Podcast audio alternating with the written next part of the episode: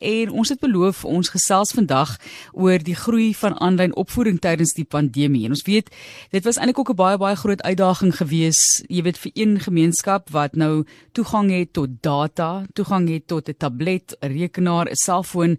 Dan is dit nog iets wat gedoen kan word, maar dan praat jy van mense in ander gemeenskappe wat glad nie toegang het tot hierdie tegnologie nie, nie die geld het om data te koop nie. Dr Linda Louise Geldenhuys is saam met ons op die lyn en sy is menslike hulpbronne en akademiese bestuurder by Boston City Campus. Baie welkom dokter.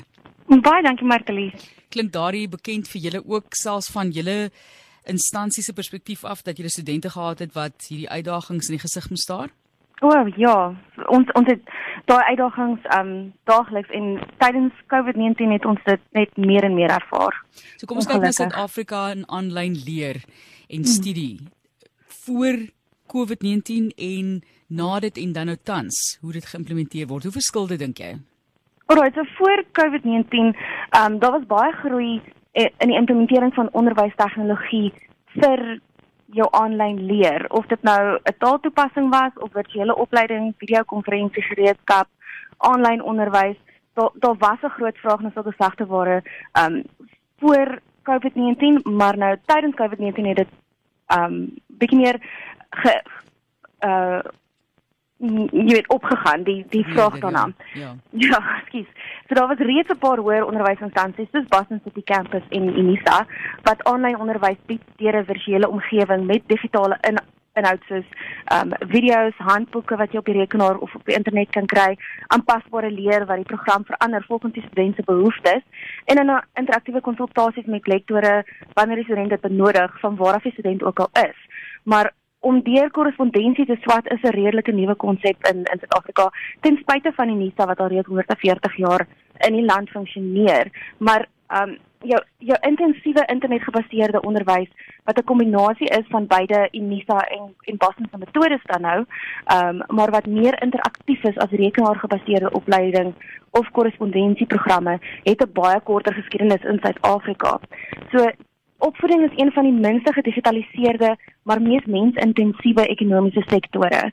En dit blyk dan dat 'n risiko van tegnologie gedrewe onderbreking sterk is veral na COVID-19 na 'n stadige twee dekade lange um mars na meer digitale uh, besigheidsmodelle is 'n hoër onderwys in Suid-Afrika agterstallig in terme van tegnologiese transformasie. Maar tydens die die ongelukkige pandemie wat ons ervaar het in 2020 het dit baie vinnig versnel en ehm um, baie van die in, instansies fokus nou meer op tegnologiese analitiese gedrewe aanlyn leerervarings en besigheidsmodelle. En ons sien dit baie in in universiteite wat tradisioneel aangesig tot aangesig programme bied maar dan nou ook 'n tweede ehm um, opsie het vir studente om aanlyn te leer sekere programme Ek weet daar is duidelik ook nou 'n baie vinniger beweging sekerlik van die tipiese en tradisionele tersiêre opvoeding na aanlyn as 'n alternatief. Hmm. O, verseker. Ehm um, tydens die, die pandemie het het ehm um, universiteite redelik vinnig gespaak om om daai aanlyn opsies beskikbaar te maak en in hierdie jaar het die universiteite bietjie later begin as gewoonlik ook ehm um, tydens Maart en vroeg April omdat vorige kurrikulums deur COVID onderbreek was en die matriekresultate het ook eers bietjie later in Februarie uitgekom. Dit het alles 'n invloed gehad op die begindatum. So meeste hoër onderwysinstansies um, was ongelukkig nie voorberei om oor te skakel na 'n virtuele omgewing um toe kampusse gesluit moes word tydens COVID-19 se se impak op Suid-Afrika die eerste impak nie. En um met daai vlaag het baie universiteite wat hoofsaaklik fokus op in-persoonopleiding gekies om om laer tegnologiese oplossings te gebruik soos uh jou jou Zoom platform en ander derde party kommunikasie gebruike om die termyn dan nou klaar te maak. En um terwyl universiteite in Suid-Afrika en wêreldwyd nie voorberei was om so vinnig oor te skakel nie. Ehm um, was baie universiteite is nou besig om aanlyn programme te ontwerp. Ehm um, jy weet vir op 'n permanente basis, maar ten spyte van die programme is daar is daar steeds nie ten volle geïntegreerde en funksionele aanlyn aanbiedings nie. En die virtuele modelle soos ehm um, Coursera of meer plaaslike instansies soos Boston City Campus ehm um, wat bestaan wat reeds bestaan is gestig met die met die tegnologiese infrastruktuur wat ontwerp is om 'n gladde aanlyn leeromgewing te skep. Ehm um, maar met hierdie opsie om 'n kampusfasiliteite te besoek, ehm um, dit moet nog steeds daar wees. So as dit 'n student nie toegang het by die huis tot internet nie, moet ons nog steeds vir hulle 'n plek bied waar hulle die die ehm um, die toegang kan kry. So as 'n resu resultaat van COVID en en die oorskakeling het meeste instansies eers die syllabus of die finale eksamens in Februarie of Maart beëindig die jaar en ehm um, daarom was die was die nood vir vir jou aanlyn aanbieding ook baie hoër. So wat is die verskil tussen aanlyn en sogenaamd virtueel, daardie omgewings? Is daar 'n verskil? Ja. Ek het gedink is maar dieselfde ding. Nee, daar daar is 'n verskil. So jou virtuele onderwys is 'n omvattende kurrikulum wat spesifiek is vir vir die aanlyn omgewing. Dit is spesifiek daarvoor geskep. So die model bevat tegnologie vir jou kunsmatige intelligensie en jou aanpassingsleer wat die opvoedkundige inhoud akkommodeer volgens die spesifieke leerstyl en begripsvlak van elke student. Ehm um, jou aanlyn herhaal baie dis dis baie nages um, na aan jou tradisionele leeromgewing um, van lesingsruimtes maar op 'n aanlyn platform soos byvoorbeeld Zoom of Skype.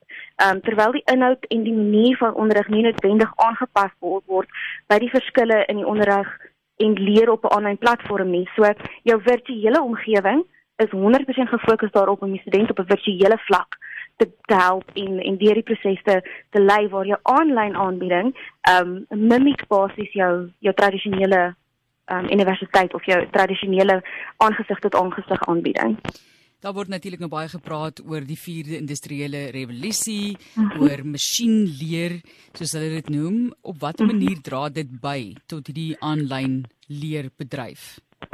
Oor as die naam aandui, is aanpassingsleer um, 'n tegnologie wat leeraktiwiteite aan studente bied gebaseer op hul behoeftes, hulle leerstyl of hulle leergedrag. So jy kan dit beskou as aanpasbare leer, um as 'n stuk tegnologie wat binne 'n kort tydjie aanpas by elke student se behoeftes. So dis 'n intelligente um sagte ware. So dit help die studente om aan te pas by die unieke leerweë wat geheel en al gebaseer is op hul belangstellings en hulle leervermoë. Um navorsing oor die tegnologie het bewys dat dit in 2020 'n groot rol in die onderwys um die onderwyssektor in jou onderwysstelsels van die wêreld gespeel het en dit dis nou wêreldwyd. So die stelsel kan deur sy teenwoordigheid hervorm word aangesien dit 'n uh, rekenaar-algoritme gebruik om die interaksie met die leerder te um orkestreer, um pas dit dan nou basies aan by die die gebruiker. Alhoewel aanpassingsleer uit kunsmatige intelligensie ontstaan het, bied dit steeds aktief aangepaste hulpbronne sowel as topleeraktiwiteite om aan die spesiale behoeftes van leerders te voldoen. Um so jou aanpasbare leer het 'n primêre toepassing in die onderwysveld en die tegnologie is egter ook ge gebou om jou besigheidsopleiers te help om besigheidsopleiding doeltreffender uit te voer. So hy het nie net 'n plek in jou hoër onderwys nie, maar maar ook jou meer praktiese um om om jou besigheidsvermoëns te verbeter, jou stelsels te verbeter. Um so as ons kyk na die groei vlak wat hierdie tegnologie ervaar, word dit beskou as een van die vele wat die onderwys in 2020 hervorm het. Kom ons gesels dan nou oor die uitdagings van aanlyn leer in daardie sektor in die klaskamer of ja. ek wou as jy die klaskamer dit sou wil noem universiteit ja. hulle is nou ander terme maar ja goed so kom ons sê in die klaskamer het sy eie uitdagings wat is die uitdagings aanlyn Die grootste uitdaging aanlyn is die feit dat sommige studente net nie betroubare toegang het tot die internet nie of hulle het nie hierdie tegnologie om om die ehm um, die leerproses aan te te pak nie en Ongelukkig speel tegnologie jou internet 'n uh, betroubare rekenaar byvoorbeeld al hierdie speel 'n baie groot rol in in die leerproses. So hierdie gaping word gesien in lande, um, dit word gesien tussen inkomste groepe in lande waar die internettoegang nie vir die hele bevolking beskikbaar is nie.